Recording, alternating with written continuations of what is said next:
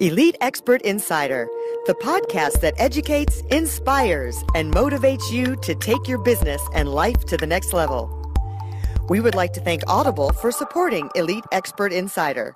Please go to the link bit.ly forward slash elite audible. That's bit.ly forward slash elite audible and get a free 30 day trial to show your support. Thank you, Audible. Now to Elite Expert Insider for conversations with industry leaders. Welcome, everyone. This is Jen Foster, and today we have the pleasure of interviewing Miguel de Jesus, and we're excited to hear all about him. He has written the book Success Leaves Clues, and he is a highly accomplished C level leader with more than 20 years' experience of business management and global sales marketing. So he works with 500 uh, Fortune 500 companies in sales, leadership, and training. So we're really excited to have you here, Miguel, and I'm welcome. Happy to be here, Jen. Great. Well, tell us a little bit about uh, who you are and what you do, where you came from. That's a great question. So, for those of you unfamiliar with New York City, I grew up in the in the uh, borough of Manhattan, New York, on what is called the Lower East Side today, and it's got a whole host of different names attached to it and lived in what's called public housing in New York City. So public housing has uh, thousands of people living in one tall structure.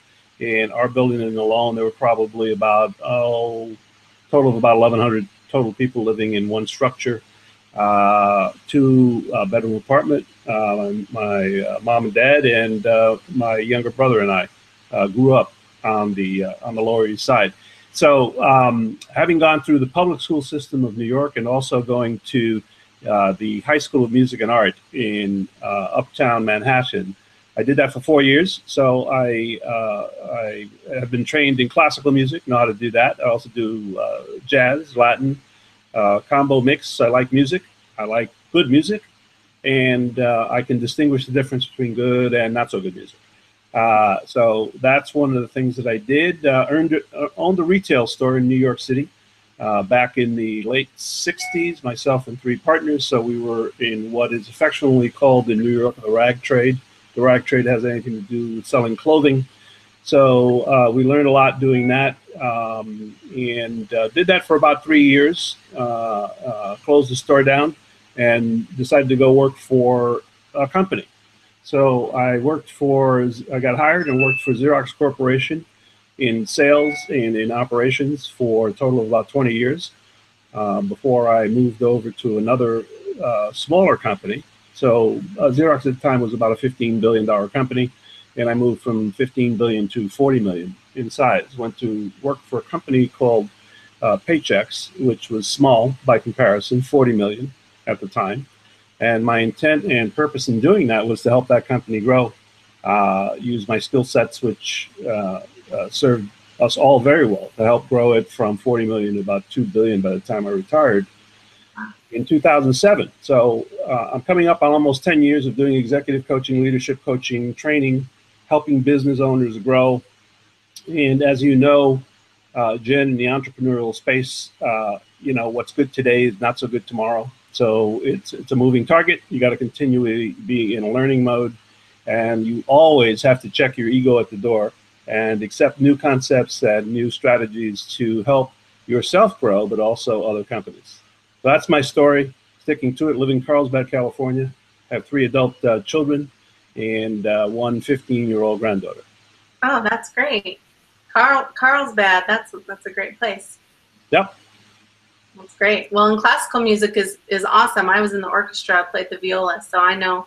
Oh, very good. Love the orchestra. Great. Awesome. Yeah. What, what, now? Now violas. They, if if you were like the uh, the brass section, they they categorized you by you know first, second, third back then. Mm-hmm. So I will uh, accept the glory of being first trumpet uh, yeah. during my college days. You were the elite. I, I, was they always put me in that second category, so they always made fun of the violas. Just like you'd make fun of the trombones or something, right? That's funny. yeah. Always, but I always loved the bones, the trombones. They were good. Yeah, for sure. Well, tell us a little bit. So, so you became a well-known expert in your field by learning from like working all those many years in Fortune 500 companies. And who would you say your mentors or models were? As you yeah, I've got several mentors and models along the way. So, um, what served me well in a corporate setting was to attach myself to at least two, three uh, different mentor role models that uh, serve to guide and counsel me and give me feedback along the way in a corporate setting. Because uh, I, I wasn't I wasn't born into a corporate environment. I got hired into one. Uh, mm. Tried to learn all the stuff associated with a corporate environment. I feel blessed in many ways, but one of the ways I feel blessed is during my selection of two uh, Fortune 500 companies. Um, uh, I selected well. Um, I am not one of those people who uh, regrets a corporate setting, had a problem in a corporate setting, had none of those things. Probably because I was a contributing leadership elite performer. And when you perform at any level, whether it's an entrepreneur setting or a corporate setting, people pay attention to you. They actually ask you your opinion, Jen, uh, and ask you how you can help them grow the company.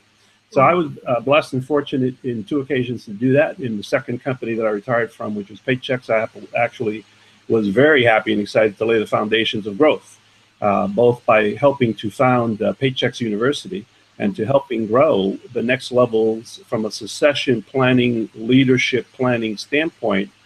You cannot scale and grow, grow a business unless people are ready to assume greater responsibility. So I enjoyed laying out the foundations of what ultimately became the Paychex University leadership programs and sales programs at that company.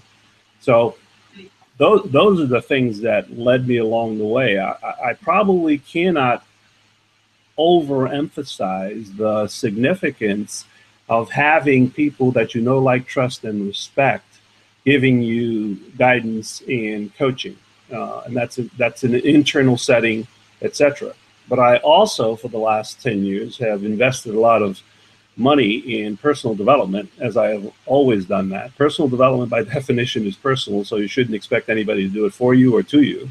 Uh, and so I never waited or asked for permission in the area of personal development. I just went out, sought some uh, leadership people, some mentors, some people who could shorten the gap between knowledge and execution so that I could accelerate performance and, and hence results faster, quicker, and better than I could if I tried to do it all by myself. Mm-hmm. Uh, that that notion that we've all grown up with that uh, you know you pull up your bootstraps and you go out and do it by yourself. It's an interesting concept, but that's probably the quickest way to failure. Uh, and we really should be suggesting to people, our students and our coachees, that they should seek out support assistance, mentorship from people who can help shorten that gap. Right. So that's my well, story of that. Yeah. Yeah. Well, and it's always better to follow in someone's footsteps than to create your own path. Absolutely. Or, or even if you even if you've got nobody that's actually been there before you, but two minds are better than one. The power of the power of mentorship and the power of mastermind is very, very significant in the things that I've done in the last decade. Yes. Yeah, masterminding is very good. And if people don't know what that is, explain what, what would be a mastermind. Well, a mastermind, the original concepts were popularized by uh, Napoleon Hill's book in the 1920s, The Think and Grow Rich. He was actually commissioned by Andrew Carnegie to go study some of the 50 to 100 most successful business people on the planet at the time. And uh, one of the uh, key principles that he discovered was that successful people don't don't talk to themselves; they talk to other people, other successful people. They share. They they are collaborative. Uh, probably people who are not in the same industry, though. I will add that caveat. Uh, you know, developers didn't all meet and talk to developers, uh, but in in non-competing industries, the power of multiple minds thinking about the same issue is very powerful because the strategies, techniques, that have been successful in one industry are very transferable to other industries.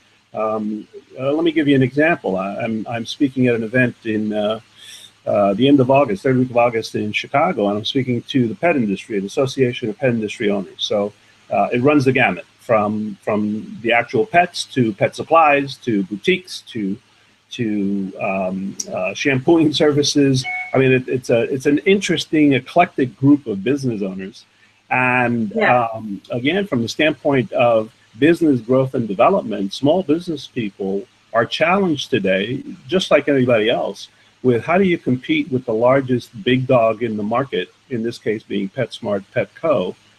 And so, how do you compete if you're a small local mom and pop? So, among the things that, that you and I both know are very successful from a marketing and direct marketing standpoint is publishing a book. One of the things I'm going to talk to them about is do you have a book? Would you like to have a book? Why don't you have a book? And what would create, from a branding standpoint, you in this very crowded category of business to be unique and different than everybody else who's in it? I guarantee you, because I've been to the uh, Petco's and the, and the big stores, you walk in, they're basically, it's basically a warehouse, all right? In one corner, you may have a cute little pet being trained, all right? That, that tugs at your emotions. Ooh, isn't that nice and sweet? And then the rest of it is basically a warehouse Right. uh, loaded loaded with trinkets, loaded with bedding, uh, and in another corner you've got a shampoo area where they actually clean and wash out the pets and make them look great on the way out. And for that, in exchange for 200 bucks, you walk out as a proud parent of a happy pet. All right. Well, that that's not a very complex model. So how do you compete in that model? One of the things that you and I both know are important is the power of education. So if these folks have a website, which I'm sure they all do, and I visited a few of them, and they're all very pretty, but they're all very static, meaning there's no interaction, no engagement, there is nothing. Uh, so they could benefit from some guidance in terms of making the their their own websites very interactive, but more importantly, providing high value content to their visitors in the form of education. And how do you put that education? I don't know. Call it what you want to call it. Call it a blog. Call it a newsletter. Call it a book.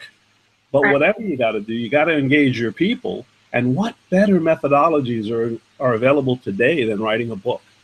Yeah. So that's one of the things I'm going to share with them in terms of creating a cat, what I call a category of one. Uh, the pet industry is very competitive, but you'll recall, Jen, in the early 90s, uh, in the category of cars, automobiles. I mean, for most people, most, but the, and I understand there's an elite class that drive Teslas, but most people are just looking for average transportation to get from point A to point B. So what did what did Toyota do in the 90s so very cleverly, so very smartly? Because Toyota is a is a car company, isn't it? Yeah. right. So they created their own category. They called it the hybrid class. It was called the Prius, that ugly car in the in the 1990s that delivered 50 miles per gallon. Holy cow! Did you say 50 mpgs? We can do that. So mm-hmm. so they went out, created their own category, and Toyota is no longer a car company; it's a hybrid company. That's how, for the next decade, people got to know them. You know, they associated hybrid Toyota, Toyota Prius, to be very precise. And then, you know, uh, Detroit figured out hybrids would be a good thing to do, so they decided to uh, change the marketing, do a little bit of changes to their cars and call them hybrids, but never, ever to this point have delivered 50 miles per gallon. Anyway, that's just a brief story of, of how branding becomes very important. And that same idea and concept can be transferred to the pet industry. Right. Well, and setting yourself apart with a book is is key because that's going to tell people and teach people, which is what you need to do, is brand yourself and teach and educate. Absolutely, absolutely. So I'm looking forward to that event. Um, and um, So you do lots of speaking, training, and coaching. What would you say is the biggest challenge that you run into by your clients? uh, once we get over denial, so let me start with denial, uh, not the river in Egypt, denial, um, which usually comes on the basis of either their leadership, their boss, subordinates, or peers, suggesting to them that they should invest in some personal development. So it starts with acknowledgement. All right, so let's acknowledge there's a problem. Once we've acknowledged there's a problem, then I ask my clients or prospective clients to take an assessment. Usually, uh, and I'm certified in five in about five different assessment tools. They're all they all do different things. There is a little overlap, but you know, one tool doesn't does not, uh, you know, uh, satisfy the needs of the different people. In other words, I'm the kind of support person where I use the right tool for the right situation. You know, there's I'm for example DISC certified DISC, uh, and I use that in sales, sales management, sales training, etc. But a DISC is not always the best and only tool. Uh, I may use Myers Briggs MBTI too to coach and assist the person. Or I may use one of my favorites, which is uh, an EQ assessment, emotional intelligence, especially in this world and time when people are interested in uh, developing relationships with people, even their vendors. All right. And the flip side of that is whether you're in sales or not in sales, it kind of doesn't matter. Emotional intelligence is really a communication technique that helps you communicate across all boundaries, across all disciplines, across all parts of the company and equally as important with your clients. So, so uh, once we get to acceptance, then we get into assessment, and from assessment, I help the clients develop their plans of action on how they can uh, moderate, develop, and strengthen some of the skills that have been uh, laid out for us in terms of the assessments. So the assessment tool becomes an excellent foundation for developing a plan of action, which we then decide to implement over a 30, 60, or 90 day period. Then we come back on the back end, do another assessment. We do a 360 assessment, asking the entire organization to comment uh, by virtue of a survey on specific questions that we ask them so that we can, in fact, notice if there's been a shift, a change, increase, or decrease, depending on the issues that we have encountered in the behavioral responses of that candidate. Does that help describe the process? Yes, yeah. Yeah, it's pretty. It's pretty involved. It's not. It's not a quick solution. Uh, uh, people solutions are not quick, by definition. Um. They require time, engagement, feedback, and development. So that's why the process really works best when you do it in a 30, 60, 90 day time frame to evaluate progress and any transformational change that's going to take place. One of the things I promise people is they're going to transform. You're not going to be the same person today that you were yesterday right. or today as we move forward if you decide to work with me. And that's in not only in the area of personal development, it's also in the area of business marketing and development. Mm-hmm. Well, I think you hit on a key thing there, which is, you know, asking the questions and taking the survey, getting the feedback with the follow up. Because, you know, a lot of times you'll you'll tr- try and change, but you don't go back and look at you don't go back and ask yourself the questions like what exactly happened. You don't do that survey and go over that. So I think that you hit key right there. Uh, absolutely, absolutely, and and uh, Jen, as you know, you know sometimes in in casual conversation or in a presentation or a sales presentation, you know people uh, react a certain way. I sometimes will, will pause uh, the interaction from wherever I am and ask the person what what's coming up for you. And I when I use that phrase, what what happened? Because I saw a physiological change in you. What that what did that bring up in you? Um, and that's because I work very hard at paying attention. Um, see, it's real hard to pay attention when you're talking. Uh, so when you talk, then shut up and pay attention. All right. Look at the physiology, listen to the words, and then go from there and really, really engage and understand the nature of the problem that the person is communicating to you. Um, and if you're real good at that, I guarantee you, you're probably looking at an excellent, excellent trans- transformation and engagement with a client that's going to value you in a very large way. Yes. That's some really good key um, points right there to anyone in your field or anyone that's coaching is to, or even in any kind of business, is listening. Yep. Yeah. That's great. So, what would you say are the top three questions that people ask you about your about what you do?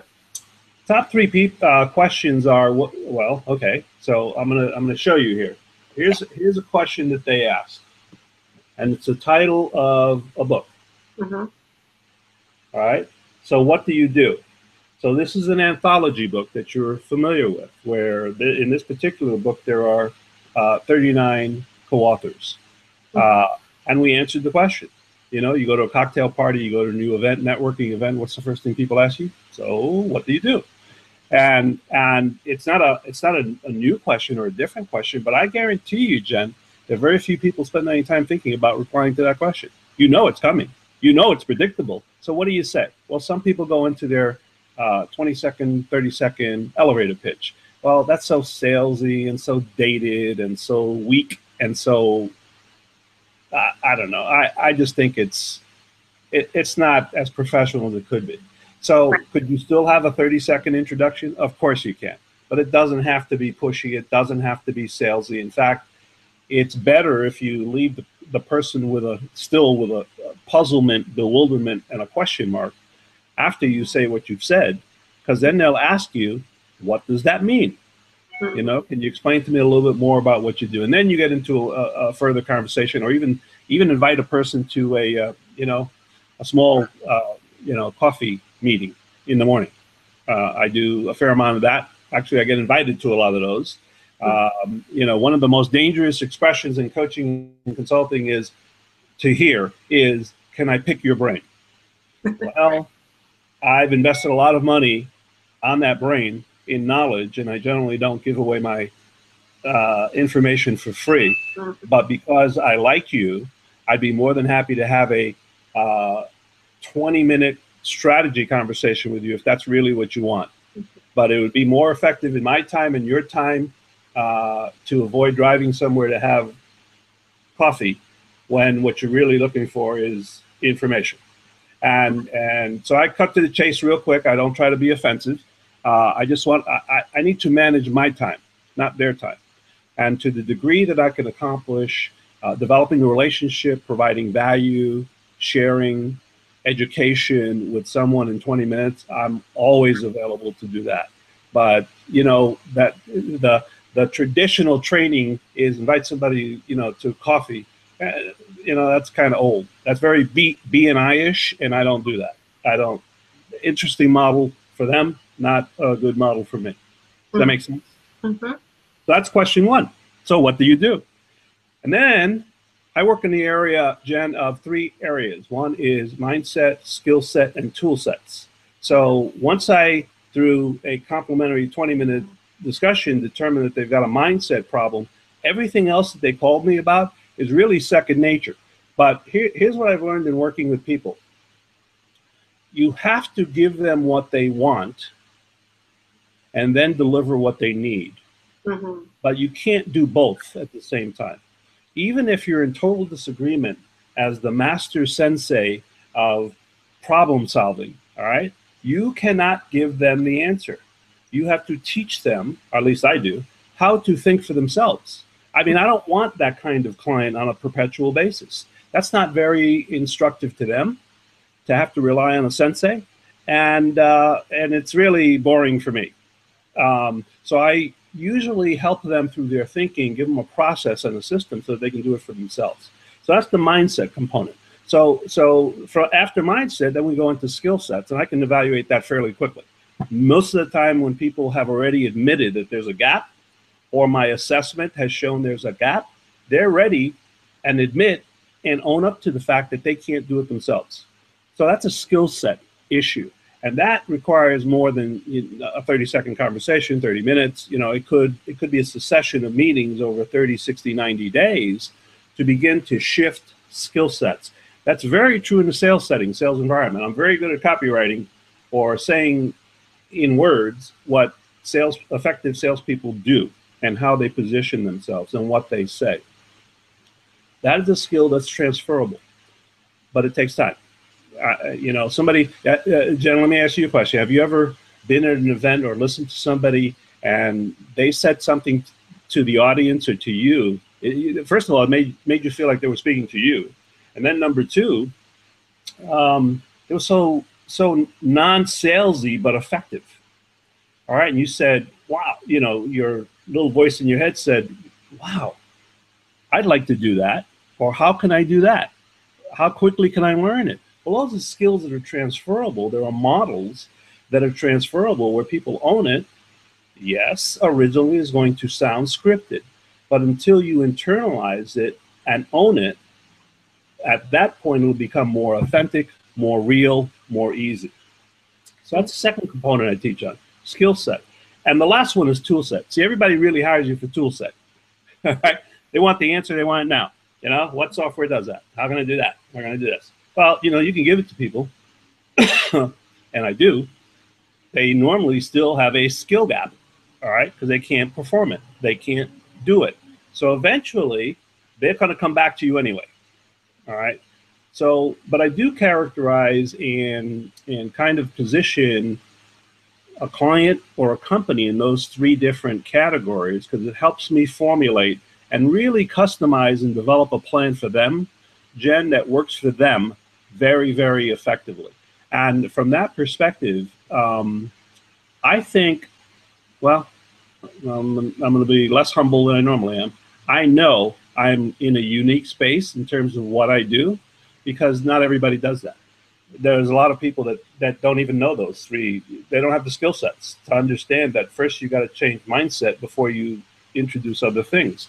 Now, are there customers, Jen? And you've met them, you've supported them, you've had them.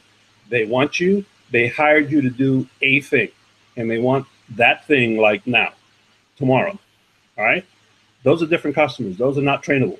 Those customers are not trainable. Do I run into those? Yeah, I've got to find out whether I want to work with them or not. I mean, I, I really dismiss a lot of clients because it's not about the money. It's about can I work with you? Uh, and if I like your mission and you're a good person, then I'll work with you.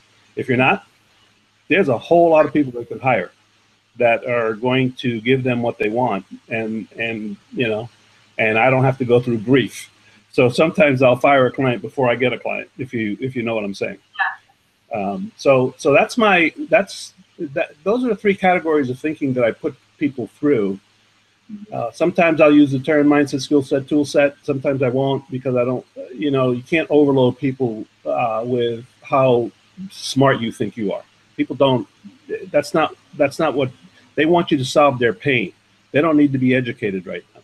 So right. solve the pain. Does that make sense? Yeah, I think that's like the number one thing that coaches and trainers do is um, is that's the main thing that you're trying to do is to solve the pain, and that's what the client really wants or the customer that you have is they want to figure out how to solve this and get through it and figure out the tools or the skills or the mindset needed to get that pain solved. Exactly. And if you're good at what you do and create top of mind awareness, which we all should be doing, uh, they will remember you the next time they have another hiccup, another difficulty, another area of, of, of, uh, of uh, service servicing that you're capable of providing to them.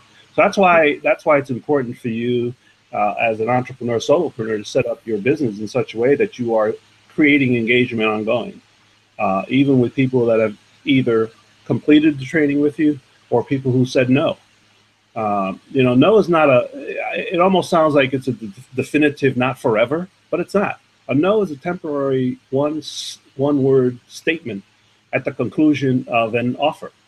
So no's, no's is not, I'm not ever going to use your services. Right now, it, it's just right now, which is the way I interpret it. They just said no for today. But there may be other services I can provide them. So my goal from an ongoing engagement standpoint uh, through the use of uh, automated marketing systems is to stay in touch with them, providing them high value content along the way until I touch base with them on that day that they have that large pain where something happened. Uh, you know, um, you're in the business, Jen, of helping people transform and being transformational in the, to their target market by delivering their message to market, their uniqueness, uh, their messages. Well, how do they, how do they do? Once you help them with, see, you help them with the how. All right, they've always stumbled with the how. How? How? Well, how is real easy in today's environment for you, for me, for those of us who know how to do that, right? But they still think it's a, you know such a massive undertaking uh, when when you know all you got to do is if you don't know how to type, they don't like to type, then dictate it. Mm-hmm. I, will I'll be your interviewer. Prepare for these 20 questions, and I'll interview you through a book. And in the course of probably less than a week, you've got a manuscript. Mm-hmm. You need a text editor, as you as you know, and you yeah. still need graphics, and you still need a strategy. But that's mm-hmm. where you come in in terms of the services that you provide people. Right. Yeah. Well, why don't you tell us a little bit about your books that you that you've written there? Well, I've got um, uh, four books. The most recent one was uh, another compilation book. Uh, we had 14 authors. Um, that book I don't have in front of me. I'm, I will not take the time to, to, look for it, but it's called uh, Build to Grow Book. So it's, it's B U I L D, Build to, T O, book.com. And, and it's 14 world class uh, leaders, thought leaders, came together to answer one question the one question was, what keeps CEOs awake at night? What keeps CEOs awake at night? I actually did the Google search and put up what keeps CEOs awake at 2 a.m. in the morning because I did the research and presented it to the team as a concept presentation to create a book. Because one of the things that I had noticed over time in terms of working with larger companies is that nobody writes to corporate executives. Everybody's writing to an individual. You know, some of the top uh, authors and leadership people in that space, Jack Canfield, Ken Blanchard, um, to name a few, uh, uh, Brian Tracy, who, who's a prolific writer, um, they write to circumstances, they write to an issue, they write to you know how to gain greater focus. But nobody is really writing to the executives who are struggling every day to grow a business mm-hmm. and to attract customers. Oh, and by the way, to attract employees. And then what do you do to engage them? Right? How do you keep them? So, so nobody was really writing to that uh, group. So 14 of us got together, decided to write it. We're all authors in our own right. 12 of us know how to write the books, do the books, get it done. And we started that uh, process September 1, 2015. And December 18, 2015, we had the e-Kindle version of the book, which again, strategically, we did that for the purpose of getting number one ranking uh, mm-hmm. and putting it on the on the book cover, as you know. So mm-hmm. um, we, we we we turned that into number one bestseller in 14 categories and uh, three continents. And it happens to be three continents by virtue of the writers. All right, two of them Canadian and two Australians. Well, congratulations. The rest of us was U.S. based, so we had a lot of fun with that. So, so yeah. think about that. If you actually know what you're doing, can you write a book in 90 days? Yep, because we did it, uh, and it's all possible and great content. Uh, so that was book number four, compilation book. Book book number three is called Let Your Emotional Intelligence Do the Talking. I'm a certified emotional intelligence consultant trainer uh, through an organization organization called Talent Smart, headquartered here in La Jolla, California. And so uh, I wrote my own book without any case studies. Here's, here's what I've learned people who have a problem and want it solved now really couldn't care less about all of the case studies that you got. So hmm. the case study book was written by two PhDs because that's what they do. They research, case study, and all that. And I took 17 of 61 principles of improving emotional intelligence and wrote a quick book uh, for target market aged anywhere from 15 to about 30. All right. And this may sound odd to your audience, but I actually give it away to students because my goal is to have them transform and they're broke. Uh, they're not, that's not a revenue stream for me. That book is specific to, uh, it's my, it's my oversized business card is all it is. And it's called, that and it's called Let Your Emotional Intelligence Do the Talking. It looks like that. Mm-hmm. And well, I think it's, um, it's great um, that you mentioned this because you know you're giving the book away for free, and some people would say, "What? Why would you do that?" But you have a passion for teaching and helping these people, the the age group that you mentioned, and you want them to learn for themselves. So that's why you do it. Absolutely. That's See, that's now you just asked a question that you just answered a question that you didn't ask, but yeah. that is one of my whys. Mm-hmm. So as I work with people, I ask them, you know, why do you want to why do you want to write a book? What's your why? You do the same thing because yeah. when you get to a deeper why, every objection and every obstacle along the way is going to prevent them from success. Mm-hmm. Unless you have a stronger why, than a stronger won't, and that is teachable. That is at point of intake, once I do an assessment, I kind of know the thinking based on what I'm looking at and reading in the assessment of how those prospective clients or clients process information. All right. Because what you and I may consider nothing, they get all hyper and freaked out because um, it's such a huge obstacle for them. All right. Why? Because they haven't experienced it before. It's new, it's normal. All right, you got to hold their hand and take them across the pond or the, the, the water flow and tell them it's okay, you won't slip, you won't drown, and I'm your safety vest. All right, so, so don't worry about it. Is it going? Oh, and this other notion, and you've experienced this too, this other notion that people walk around with of perfection. I have to spend a lot of time, I, I don't know where they got it from. All right, by the way, I used to be in the same camp because I went to the same schools, the same pastor, preachers, uh, reverends, etc., parents that had whatever notion of success was was always contained with perfection. Well, that's not true. That that is a falsehood. Take any professional athlete who makes a lot of money from their job, job, which is also a sport. I guarantee you they don't always win, and they didn't start out winning. I mean, there's a great video I show people where that that captures Michael Jordan and his rise. He got he got cut from the high school basketball team. Now, for those of you who are unfamiliar with competitive sports, when you get cut, that means you don't play. so, so, uh, so from that standpoint, was he always a winner? No, but he became more of a winner by virtue of those setbacks, which set him up for a great comeback. And that's what I try to teach people. I said, don't get wrapped up in so so so you know so it wasn't to your level of perfection, whatever that means. All right. And then normally I share with people my two definitions of when I expect perfection. It's only two times I expect perfection. And that's for life saving emergency surgery. Uh, that's one.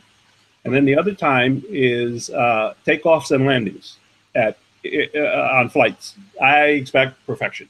All right. Everything else we can recover from. All right. So you, so you got some misspellings in that. You missed the word. I, I normally uh, especially to the students that I that I gift my book on emotional intelligence to, I tell them up front there's probably a few typos in it. Don't worry about it. All right, don't get all wrapped up. I know you're studying English and proper spelling, but don't get wrapped. And I say that to, with the English teacher in the classroom because I, I do volunteer work at the schools. I said, don't worry about it. Please don't write me that I've got a misspelling. I know it. All right, and then I'll find one and show it to them. I said, on this page, you'll find it. All right. Do not tell me I have a. I, I, I don't care. All right. I just want you to get the message, learn the lessons. So I think I think um, Jen, I like to have fun with what I do. That's the other component in my life. If I can't have fun with it, I probably won't do it. Um, eh, you know, we're only on this planet for a short period of time. Let's figure out what we're good at, close the gaps, get the skills, and then have fun. Yeah. Because if you can have fun, wow, you can affect so many more more people on this planet from a from a position and mental standpoint of of recognizing and having fun and i kind of like that because we're sometimes we're all too serious all too wrapped up in well i got i got to meet this deadline i got to do this and i got to do that no you don't have to do anything uh, if you work for yourself I, I, get the other component all right that if you're an employee you do have to do things uh, in exchange for that paycheck i get that but you can also be gracious, show gratitude, and have fun along the way. If you're miserable, I will also help people transition to a different job if that's what they want. Mm-hmm. But they don't have to stay miserable. Right. I love that. Have passion, be grateful, and have fun. great. That's great. Well, thank you so much for being on our show today. Uh, tell us where they can find you. What what website can they go to find all your information in your books? Yeah, my website. In fact, I could download a free copy of the uh, Let Your Emotional Intelligence Do the Talking at my website at www.coachmiguel.com. That's www.coach c o a c h Miguel m i g u e l dot com, and I can always be reached um, via email at Miguel at coachmiguel.com. That's Miguel at coachmiguel.com. So, Jen, it's been a pleasure for me to be with you, share with you a, a few perspectives. Uh, hopefully, I didn't speak too fast for your audience, uh, and and I gave them enough information that's actionable that they can actually go out, make a difference, and make an impact, uh, not only in their neighborhoods but in their families and in the world. Yes, thank you so much. And we'll put that URL uh, domain name at the bottom of the screen. And thank you to our listeners for listening today. Please uh, like and review and please subscribe to our podcast. We'd love to hear from you. And thanks again for listening. We'll talk to you next time. For more information about us, go to eliteonlinepublishing.com. To get your free book, The Accomplishment and Success Story Starter, simply text your name and email to 832 572 5285. That's 832 572 5285. We'd also like to thank Audible for supporting Elite Expert Insider. To get your free 30-day trial, please go to bit.ly forward slash Elite Audible. That's bit.ly forward slash Elite Audible and get your free 30-day trial to show your support. Thank you, Audible.